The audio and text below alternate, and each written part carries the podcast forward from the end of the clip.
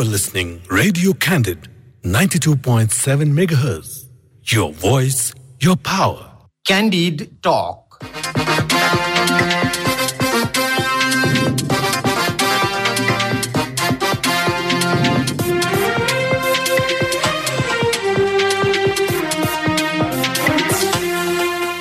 नमस्कार क्यान्डिड टकमा तपाईँलाई स्वागत छ। म धीरज बस्नेत। रेडियो क्यान्डिडको प्रस्तुति कार्यक्रम क्यान्डिड टक तपाईँले शनिबार बाहेक हरेक दिन बिहान साढे छ बजेबाट सात बजेसम्म आधा घन्टा सुन्दै आइरहनु भएको छ। समसामयिक विषयमा कुराकानी हुने यो कार्यक्रम तपाईँले काठमाडौँ उपत्यका र आसपासका जिल्लामा बयानब्बे दशमलव सात मेगाहर्जमा रेडियो क्यान्डिडको आधिकारिक फेसबुक पेजमा हाम्रो पात्रोमा रेडियो क्यान्डिडको एप्स डाउनलोड गरेर र पोडकास्टमा समेत सुन्न सक्नुहुन्छ। प्रतिनिधि सभाको कार्यकाल सम्बन्धी सरकारले ल्याएको कानूनको मस्यौदा विवादमा परेको छ। निर्वाचन पछि पनि कार्यकाल कायमै रहने प्रावधानमा प्रतिपक्षी एमाले संवैधानिक कानूनका जानकार र नागरिक तहमा कार्यकाल लम्ब्याएर तलब भत्ताका नाममा राज्य कोष दोहन गर्न खोजेको भन्दै असन्तुष्टि बढेको छ। शुक्रबार मन्त्री परिषदबाट निर्णय गराएर प्रतिनिधि सभाको कार्यकाल गणना गर्दा त्यस्तो सभाको पहिलो बैठक बसेको दिनबाट गणना गर्ने र नयाँ प्रतिनिधि सभाको पहिलो बैठक बसेको दिनबाट अघिल्लो प्रतिनिधि सभाको कार्यकाल स्वत समाप्त हुने व्यवस्था सहितको संशोधन विधेयक संसदमा दर्ता गराएको सरकारले आइतबार प्रतिनिधि सभामा पेश गरेको छ। यसले कार्यकाल लम्ब्याएर तलब भत्ताका नाममा राज्य कोषको दोहन गर्न खोजेको त प्रश्न पार्छ नै। यस पछाडिका अन्य कारण के हुन सक्छन्? के यसो गर्न पाइन्छ? संविधानले गरेको व्यवस्था यही हो कि संविधानमा गरिएको व्यवस्था विपरीत त्यसलाई अपव्याख्या गरेर सरकारले संसदको कार्यकाल लम्ब्याउन खोजिरहेको छ? आज हामी यो विषयमा वरिष्ठ अधिवक्ता तथा कानुनविद दिनेश त्रिपाठीसँग कुराकानी गर्दैछौँ। त्रिपाठीज्यू यहाँलाई स्वागत छ क्यान्डिडेट टकमा। धन्यवाद। सबैभन्दा पहिला प्रतिनिधि सभाको कार्यकाल जसरी लम्ब्याउन खोजिएको छ यो चाहिँ संविधान सम्बद्ध छ कि सरकारले संविधानको ट्र्याक बाहिर गएर यो सब काम गर्न खोजिरहेको छ? संविधानको लेटर एन्ड स्पिरिट भन्दा बाहिर छ। यो संविधानको पनि उल्लङ्घन हो संवैधानिक मूल्य मान्यताको पनि उल्लङ्घन हो र संवैधानिक नैतिकताको पनि यो बर्खिलाफमा छ। किनभने कुनै पनि एउटा पार्लियामेन्ट्री डेमोक्रेसीमा के हुन्छ भने जब निर्वाचनको घोषणा हुन्छ अनि पार्लियामेन्ट स्वतः चाहिँ त्यो डिफङ्क्ट हुन्छ। पार्लियामेन्ट सी टु एक्जिस्ट साँच्चै भन्नु नै पार्लियामेन्टले त्यसपछि आफ्नो बिजनेस गर्न पाउँदैन र निर्वाचनको घोषणा भइसकेपछि मुलुक चाहिँ निर्वाचनमै हुन्छ र ती सबै सांसदहरू सबै आफूलाई निर्वाचनमा होमिन्छन्। आफूलाई पुनः जनतामा परीक्षणमा जानुपर्ने हुन्छ र नयाँ म्यान्डेट सिक गर्नुपर्ने हुन्छ। अब यहाँ त कस्तो गरिएको छ भने अब शपथ ग्रहण नभएसम्म यो पद चाहिँ जारी रहनेछ भनेको मतलब त कस्तो हो भने पदको चाहिँ भ्याकेन्सी नै छैन पदै भ्याकेट छैन पदै खाली छैन अनि कसरी चुनाव हुन्छ त? कुन पदमा चुनाव हुन्छ? भन्दाखेरि यो यसै पनि यो यो चाहिँ तार्किक छैन। यो कुनै तर्कले त्यसलाई समर्थन गर्दैन। र संविधान अब संविधानलाई फेरि उहाँहरूको बुझाइ पनि प्रब्लमेटिक छ। संविधानलाई त्यसको समग्रतामा हेर्नुपर्छ। संविधानको धारा पचासी एकको जुन कन्टेस्ट छ आगामी विघटन भए भएमा बाहेक पाँच वर्ष हुनेछ। त्यो भनेको त विघटनको कन्टेस्टलाई बोलिएको हो विघटन गर्न पाइँदैन भनेको हो। तर निर्वाचन हुँदाखेरि त प्रतिनिधि सभा कायमै रहन्छ भन्नु त्यो पनि हास्यास्पद हो।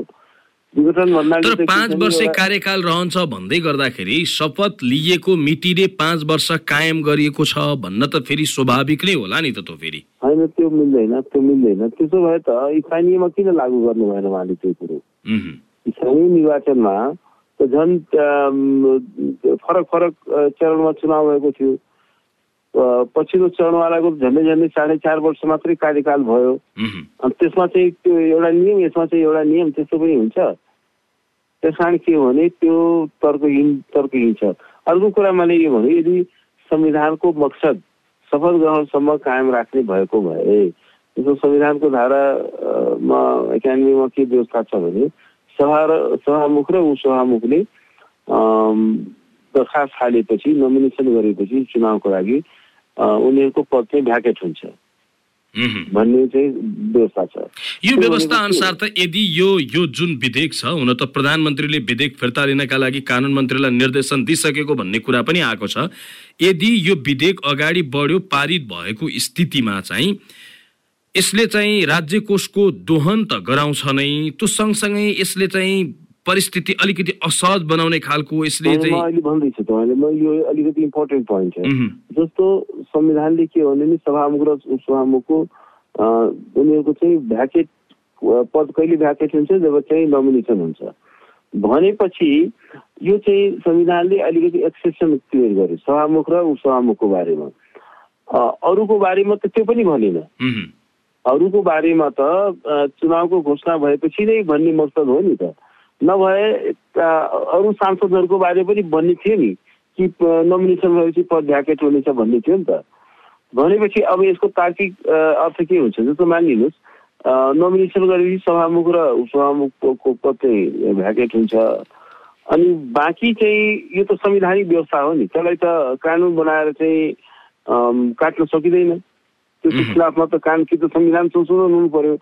अब अब चाहिँ सबै सदस्यहरूको पद चाहिँ शपथ ग्रहण नगरुन्जेलसम्म चाहिँ कायम रहने अनि सभामुख र उपसभामुखको मात्रै पद चाहिँ खाली हुने भनेपछि अब तिन चार महिनाको अवधिको लागि के भन्न खोज्या अर्को फेरि सभामुख र उपसभामुख चाहिँ चयन गर्नुपर्ने। संविधानले त फेरि प्रष्ट रूपमा सभामुख र उपसभामुखको कार्यकाल तोकिदिएको छ।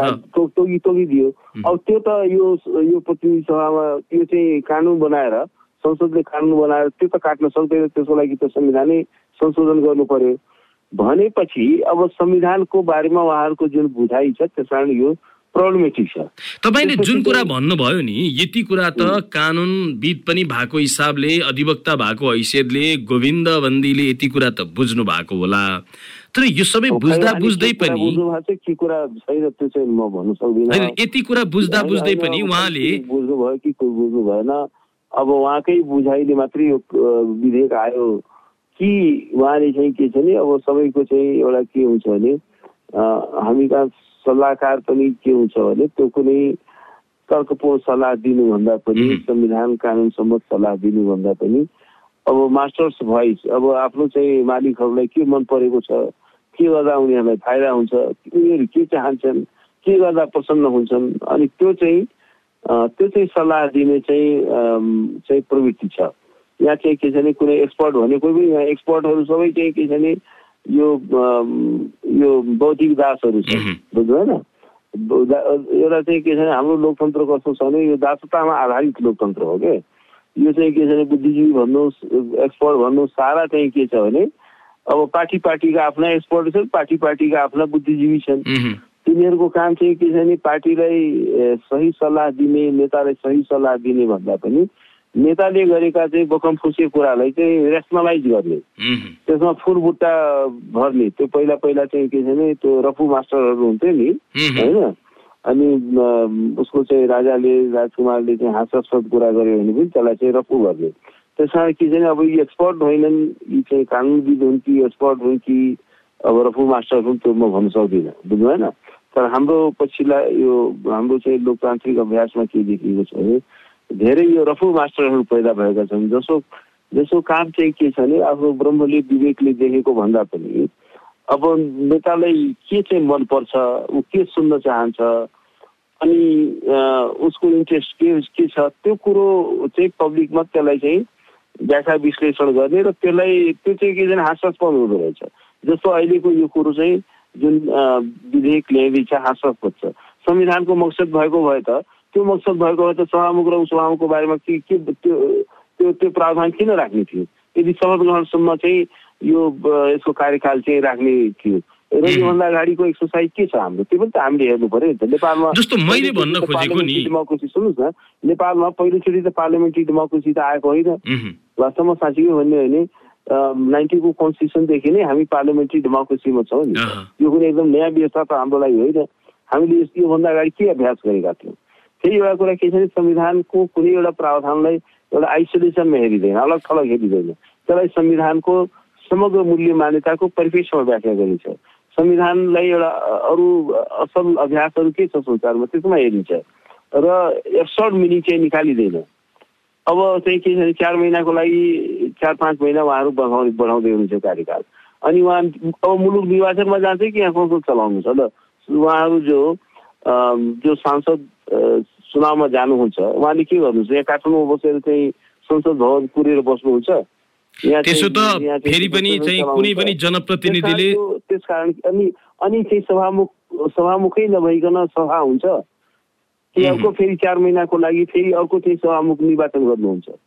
भन्दाखेरि यो चाहिँ के छ नि यो स्वतः चाहिँ के छ नि यो अब यो चाहिँ इलोजि इलोजिकल मात्र भन्दा पनि यो त हास्यास्पद भयो। यो चाहिँ कुन यो त यो त चाहिँ के छ भने हाम्रो यो कानुन अ, को ड्राफ्टम्यानहरूको यसको चाहिँ हाम्रो नेताहरूको हाम्रो नेतृत्वको एउटा बौद्धिक दरिद्रता मेन्टल ब्याङ्क्रप्सी चाहिँ के छ भने प्रकट भएको छ। हरेक कानुनमा यो चाहिँ के भने एक किसिमको चाहिँ मेन्टल ब्याङ्क्रप्सी चाहिँ देखिन लागेको छ। त्यो कुनै सिद्धान्त मूल्य हेर्नु सिम्पली उहाँहरूको के देखिन्छ भने एकदमै तुच्छ स्वार्थ देखियो। कि दुई चार महिनाको भए पनि दसैँ पेसी पनि बुझिहाल्ने दुई चार महिनाको भए पनि पैसा किन छोड्ने? ट्याक्स पेयरको पैसालाई चाहिँ हो मैले यहाँनिर जोड्न खोजेको खास गरी प्रतिनिधि सभाको कार्यकाल नि। प्रतिनिधि सभाको कार्यकाल राज्यको तलब भत्ता खानका लागि मात्रै लम्ब्याएको हो कि यस पछाडि अरू केही पनि कारण छ भन्ने लाग्छ तपाईँलाई? होइन अब अब अब चाहिँ के छ भने अल्टेरियर मोटिभ त्यही त्यही हो. अब बाहिर जेसुकै भने पनि अल्टेरियर मोटिभ त्यही हो। तर कतिपयले के भनिरहेका छन् भने म तपाईँलाई अलिकति आग्रह गर्छु मेरो प्रश्न सुन्दिनँ। यसको सिद्धान्त के हो भने जब निर्वाचनको घोषणा हुन्छ. The government became the caretaker अर्थात् सरकार चाहिँ काम चलाउ हुन्छ जब निर्वाचनको घोषणा हुन्छ। अब काम चलाउ सरकार किन हुन्छ भनेपछि किनभने यसलाई संसदको शक्ति यसको पछाडि चाहिँ पार्लियामेन्टको ब्याकिङ हुँदैन। किनभने संसद रहँदैन। अनि यसले कुनै दूरगामी महत्त्वको केही पनि गर्न पाउँदैन। अब दूरगामी चाहिँ कानुन बनाउन पाइँदैन र अरू कानुन बनाउन पाइन्छ भने के नि? कानुन पनि चाहिँ अल्प अल्प अल्पगामी र दूरगामी हुन्छ। हरेक म तपाईँलाई यहाँनिर जोड्न खोज्दैछु। खास गरी प्रतिनिधि सभाको कार्यकाल जुन लम्ब्याउन खोजिराखेको छ जुन तरिकाले एक्सर्साइज भइराखेको छ यो पछाडिको एउटा एउटा कारण चाहिँ बाहिर के कुरा आइराखेको छ भने चोलेन्द्र शमशेर जबरालाई जुनसुकै हालतमा उनलाई चाहिँ ठेगान लगाउने अर्थात् उनको कुरा टुङ्ग्याउने त्यस कारणले गर्दाखेरि प्रतिनिधि सभाको कार्यकाल यहाँसम्म लम्ब्याउन खोजिएको हो भन्ने कुरा चाहिँ कतिपय कुरा बाहिर आइरहेको। छ। यस पछाडिको सत्यता कति देख्नुहुन्छ? उहाँहरूको चाहिँ एउटा साँच्चीकै भन्ने हो भने एउटा असल नियत भएको भए आज चाहिँ के छ नि उहाँले त धेरै गैर जिम्मेवार काम गर्नु हो नि। संसदमा चाहिँ महाभियोगको प्रस्ताव चाहिँ दर्ता गर्नुभयो। त्यसपछि छ महिना सुतेर बस्नुभयो त्यसमध्ये उहाँले एउटा पनि लजिकल स्टेप चाल्नु भएन। वास्तवमा के छ भने महाभियोगको प्रस्ताव के हामीले कति दबाब दियौँ कि यो यो चाहिँ संविधानमाथि मजाक गर्न पाइँदैन? जब महाभियोगको प्रस्ताव दर्ता भएको छ भने यसलाई यसको एउटा तत्काल यसको चाहिँ प्रक्रियामा जानुपर्छ यसलाई तार्किक निष्कर्षमा पुर्याउनु पर्छ भनेर बोलिरहेको थिएँ उहाँहरूले के गर्नुभयो? जब चुनावको घोषणा भयो अनि एउटा चाहिँ के छ भने बल्ल चाहिँ महाभियोगको उहाँले याद आयो। र एउटा कुरा म यो पनि भन्छु यहाँ उहाँले यो पनि भ्रम छ। चोनी शमशेरले दिएको नेरेटिभमा उहाँहरू हिँडिरहनु भएको छ चोनीले के भनिदियो भने चोनी शमशेरले के भने होइन यो त यो प्रस्तावै निष्क्रिय भइसक्यो। प्रस्ताव निष्क्रिय हुँदैन। यो चाहिँ के हो भने यो अरू प्रस्ताव जस्तो होइन। यो चाहिँ संविधानको धारा एक सय एक बमोजिमको असाधारण प्रस्ताव हो। विशेष प्रस्ताव हो। एक्स्ट्राअर्डिनरी मोसन हो। त्यस कारण के छ भने यो संसदको अधिवेशन समाप्त हुँदैमा यो यो चाहिँ यो प्रस- प्रस्ताव निष्क्रिय हुँदैन। त्यति मात्र होइन। यो यो संसद पछि आउने संसदसम्म पनि यो यो कायम रहन्छ। म तपाईँलाई भारतको उदाहरण दिन चाहन्छु। जस्तो अब चुनाव भएपछि अब यो प्रस्ताव तोडिन्छ होइन तोडिँदैन त्यसपछि पनि रहन्छ। ए भनेको दलहरूको बुझाइ अर्थात् भनौँ दलहरूको बुझाइ अलि बढी हतारोको भयो जसका कारणले गर्दा उनीहरू प्रतिनिधि सभाको कार्यकाल लम्ब्याएर भए पनि यो मुद्दा टुङ्ग्याउनु पर्छ यस्तो छ। उनीहरू चाहिँ के छ भने उनीहरू कुनै विवेकको उनीहरू आफै आफू विवेक छैन। विवेक भएको विवेकवानहरूसँग उनीहरू सल्लाह पनि गर्दैनन्। उनीहरू वरिपरि चाकरीबाजहरू राखेका छन् भजन मण्डली राखेका छन् जसको चाहिँ काम कि जो रफु मास्टरको काम गर्छन्। उनीहरूसँग कुनै चाहिँ के छ भने उनीहरू कुनै स्टेक छैन। अनि त्यस्तो व्यक्तिको ती सल्लाह सल्लाह होइन त्यो त के छ भने सल्लाह भनेको त एउटा तथ्यमा कानुनमा एउटा चाहिँ के छ भने विवेकपूर्ण हुन्छ नि। त्यो त के छ भने त्यो अब जे मास्टरले सुन्न चाहेको त्यही कुरा प्रस्तुत गर्ने मात्रै हुन्। त्यसमा के हो भने रामास्वामीको केसमा के भएको थियो भने रामास्वामी भन्ने एकजना न्यायाधीशमा भारतमा मुद्दा लगाइएको यो महाभियोग लगाइएको थियो। अनि त्यो प्रस्ताव चाहिँ विचाराधीन रहेकै बेलामा चाहिँ संसद चाहिँ के छ भने नयाँ निर्वाचन घोषणा भयो। अर्को त्यसपछिको पार्लियामेन्टले त्यसलाई अगाडि बढाउन खोज्दाखेरि अनि त्यसलाई कोर्टमा च्यालेन्ज भयो। कोर्टले रुलिङ दियो।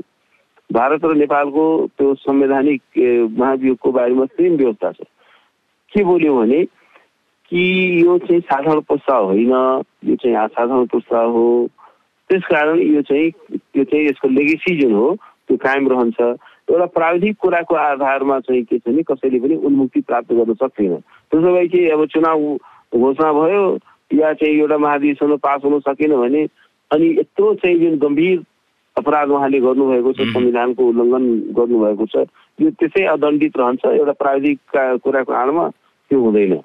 अब मैले अर्को पाटो प्रवेश गर्न खोजेको यो एउटा पाटो भयो। अर्को पाटो खास गरी सरकारले अब यो तपाईँहरूको भाषामा धेरैले भन्दाखेरि चाहिँ सरकार काम चलाउ भइसकेको छ। निर्वाचनको मिति घोषणा भएपछि सरकार काम चलाउ हुन्छ भन्ने जुन हाम्रो पूर्व मान्यता थियो त्यो अनुसार सरकार काम चलाउ भइसकेको अवस्थामा सरकार एकपछि अर्को गर्दै धमाधम विधेयक ल्याइरहेको छ र त्यो पनि विवादास्पद। जस्तो मिडिया काउन्सिल सम्बन्धी जुन विधेयक आएको छ त्यस विधेयकले पत्रकारहरूलाई जसरी नियमन गर्न खोजिएको छ यो नियम चाहिँ पत्रकारितालाई यो एउटा चाहिँ यसलाई व्यवस्थित गर्न खोजिएको हो कि पत्रकारलाई अङ्कुश लगाउन खोजिएको हो? तपाईँले विधेयकमा के प्रावधान देख्नु भएको छ र यसले चाहिँ कस्तो खालको समस्या ल्याउन सक्छ वा यसले पत्रकारितालाई व्यवस्थित बनाउन सक्छ? एउटा कानुनविदको हैसियतले यसलाई कसरी विश्लेषण चाहिँ के गर्नु भएको छ यसमा के छ भने यो पहिलो कुरामा के भन्नु नि नियमन होइन। यो मिडियालाई नियन्त्रण गर्न खोजेको हो। नियमन भनेको त पोजिटिभ कुरा हो। नियन्त्रण नियन्त्रणै गर्न खोजेको हो। र यो पहिला जब ओलीको पालामा पनि यस्तै मिडिया विधेयक आउँदाखेरि हामी सबैले यसको व्यापक विरोध गर्यो मिडियाले पनि विरोध गर्यो अब अहिले फेरि चाहिँ के हो भने त्यसैलाई अलिकति शब्द यताउता अलिअलि फेरफार गरिएको छ तर आधारभूत रूपमा त्यसैलाई नै पुनः प्रस्तुत गरिएको छ। भन्दाखेरि यो चाहिँ एकदमै यसले निमित्या प्रेस फ्रिडमलाई त्यसले चाहिँ निमित्यान्न पार्छ। पहिलो कुरा के भने कुनै पनि डेमोक्रेसीको एउटा लाइफ ब्लड एउटा अक्सिजन भनेको प्रेस फ्रिडम हो। जुन मुलुकमा प्रेस फ्रिडम छैन विचार र व्यक्तिको स्वतन्त्रता छैन मिडिया इन्डिपेन्डेन्ट छैन फ्री फ्लो अफ आइडिया छैन मार्केट प्लेस अफ आइडिया छैन त्यो डेमोक्रेसी हुन सक्दैन। त्यो चाहिँ एउटा अधिनायकवाद अ, तिर छौँ हामी। अब यो हामी के एउटा इलेक्टेड तानाशाहीको युगमा प्रवेश गर्दैछौँ त। यो के यो यस्तो खालको त्यसमा पनि कस्तो कस्तो हाँसास्पद प्रावधान राखिएको छ भने अब त्यो जुन काउन्सिल बनाइएको छ त्यो काउन्सिलमा अब त्यो सचिवको अध्यक्षतामा चाहिँ त्यो त्यो चाहिँ त्यो सिफारिस समिति बनाइएको छ। सचिवले सिफारिस गरेको व्यक्ति त्यो कुनै इन्डिपेन्डेन्ट व्यक्ति हुन्छ काउन्सिलमा? सम्भव छ? र र त्यसमा चाहिँ त्यो काउन्सिलको यस त्यति एउटा कारणले के गर्छ भने त्यो काउन्सिलको उद्देश्य नै पराजित गर्छ। कुनै पनि राम्रो व्यक्ति इन्डिपेन्डेन्ट व्यक्ति त्यो चाहिँ सचिवमा चाहिँ चाकरी गरेर दरखास्त हालेर त्यो चाहिँ के छ भने त्यहाँ जागिर खान जाँदैन। तर जस्तो अब यो अर्को कुरा त्योभन्दा महत्त्वपूर्ण कुरा चाहिँ के भने? त्यसपछि के छ भने अब प्रेस यहाँ चाहिँ के छ भने संविधानले चाहिँ दर्ता खारिज हुने भनेको छैन। त्यसमा चाहिँ दर्ता खारिज समेत हुन सक्ने व्यवस्था गरिएको छ। त्यो त एउटा ठाडै संविधानको बरखिलाफमा भयो। त्यसै गरी पेश पास निलम्बन गर्ने। देखिएका कुराहरू चाहिँ त्यसमा छ। भन्दाखेरि के हो भने यो यो चाहिँ के हो भने संविधानको जुन एउटा हामीले त लिबरल डेमोक्रेसीको परिकल्पना गरेको छ संविधानले। संविधानले चाहिँ विचार र व्यक्तिको स्वतन्त्रता मात्रै भनेन। जस्तो संसारका धेरै देशहरूमा प्रेस फ्रिडम भनेर छुट्टै लेखेको छैन। इन्डियन कन्स्टिट्युसनमा पनि छैन। त्यहाँ के भन्छ भने ओके विचार र व्यक्तिको स्वतन्त्रता छ भने प्रेस पनि त्यसैमा स्वतन्त्र भयो। तर नेपालको संविधानदाताले यसमा चाहिँ के छ भने धेरै इन्फ्यासिस दियो छुट्टै एउटा धारा नै राख्यो। प्रस्तावनामै पूर्ण प्रेस स्वतन्त्रताको कुरा गर्यो। र अब त्यसलाई चाहिँ के छ भने संविधानको चाहिँ चाहिँ आधारभूत परिकल्पना भन्दा बाहिर गएर मिडियालाई यो जुन यो नियन्त्रण गर्न खोजिएको छ अङ्कुश स्थापित गर्न खोजिएको छ। त्यो चाहिँ लोकतन्त्र विरोधी छ। तर यसलाई त फेरि सरकारले वा भनौँ राज्यले कसरी परिभाषित गरिराखेको छ भने यो मिडियामा धेरै छाडा तन्त्र हाबी भयो। मिडियाहरू अलि आफ्नै ढङ्गले बिना लगामले हिँड्न थाले। यिनलाई व्यवस्थित गर्न जरुरी छ र जसका लागि यो विधेयक ल्याइयो भन्ने प्रष्टीकरण छ उनीहरूको। अब यो हरेक चाहिँ के छ भने अधिनायक वा अधिनायकले दिने तर्कहरू यस्तै यस्तै हुन्छ. छाडा भयो यो भयो। सरकार भनेको के मोरल पोलिस हो? मोरल पोलिस होइन. र मिडियाको के हुन्छ भने जस्तो यो यो चाहिँ के छ भने डेमोक्रेसीलाई जस्तो फ्री ट्रेड अफ आइडियाज भन्छ। खराब विचारलाई असल विचारले स्थापित गर्दै जान्छ। मार्केट प्लेसमा चाहिँ के हुन्छ भने खराब विचारहरू र असल विचारहरूको प्रतिस्पर्धा हुन्छ। त्यस कारण के हुन्छ भने अब मिडियामा अफकोर्स हो अब केही अनलाइनहरू छन् त्यो केही। अब त्यो त अलिकति त्यो कोही गर्दै छैन। अब अरू त के छ भने छाडा भनेर त्यसरी होइन।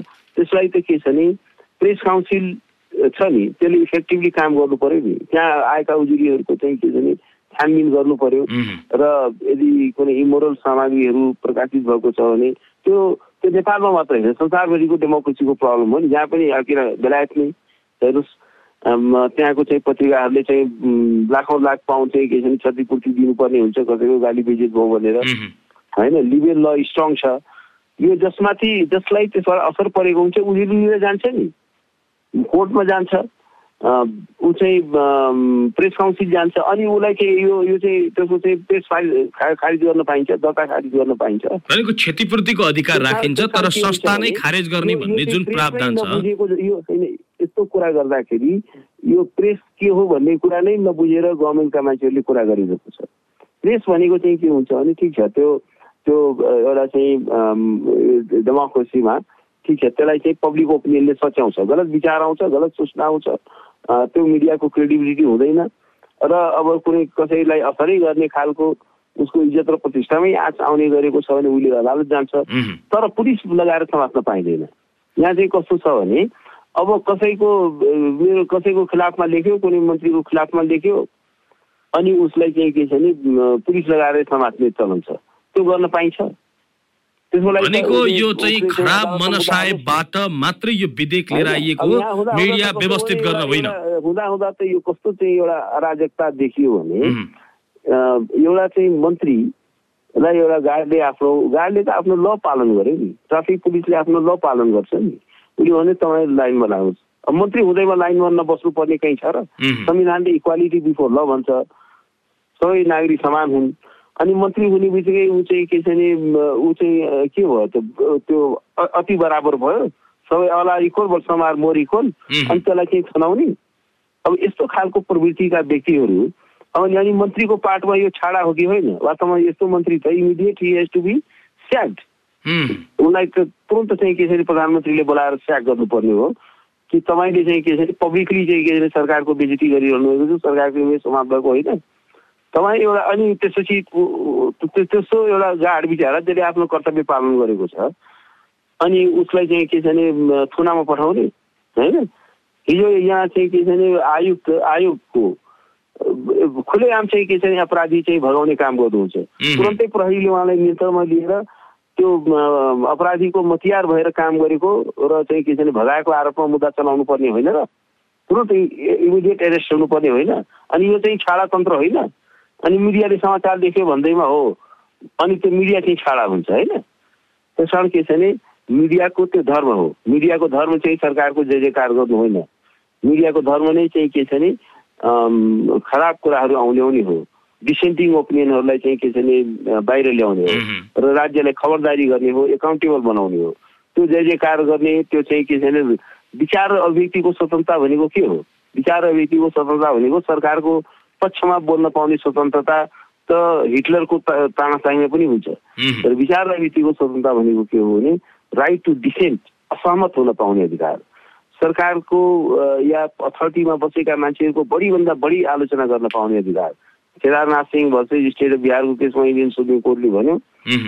कि त्यसमा चाहिँ सरकारलाई बदनाम गर्यो भनेर एउटा माथि मुद्दा लगाएको थियो इन्डियन सुप्रिम कोर्टले भने सरकारलाई बढीभन्दा बढी बदनाम गर्न पाउने हरेक नागरिकको अधिकार हो। सरकारले आफ्नो डिफेन्स गरोस् न त। गलत काम गर्दा त बदनाम हुन्छ हुन्छ। होइन? त्यस कारण के छ भने अब के छ भने यो मिडियासँग आत्तिएको जस्तो देखिन्छ।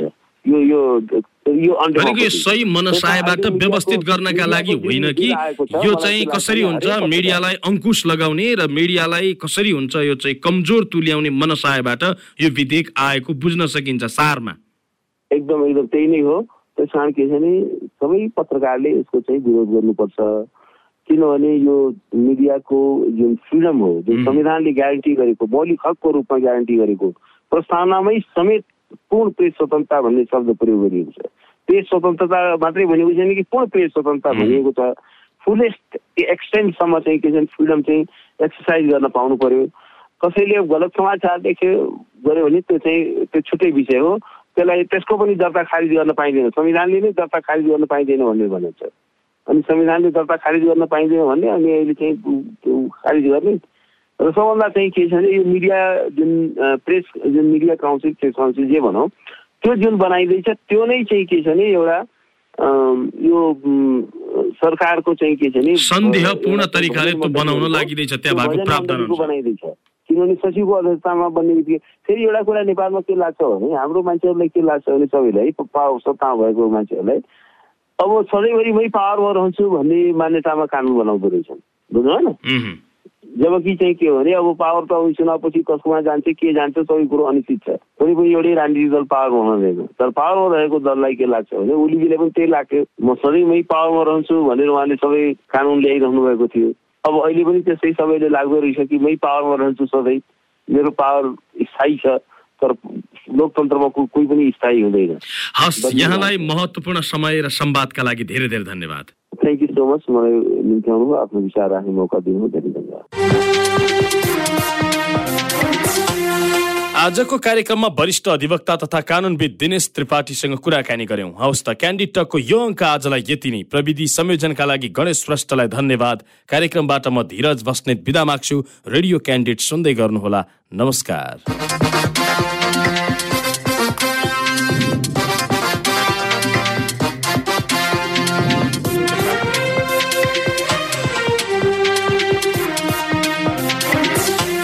Candid Talk.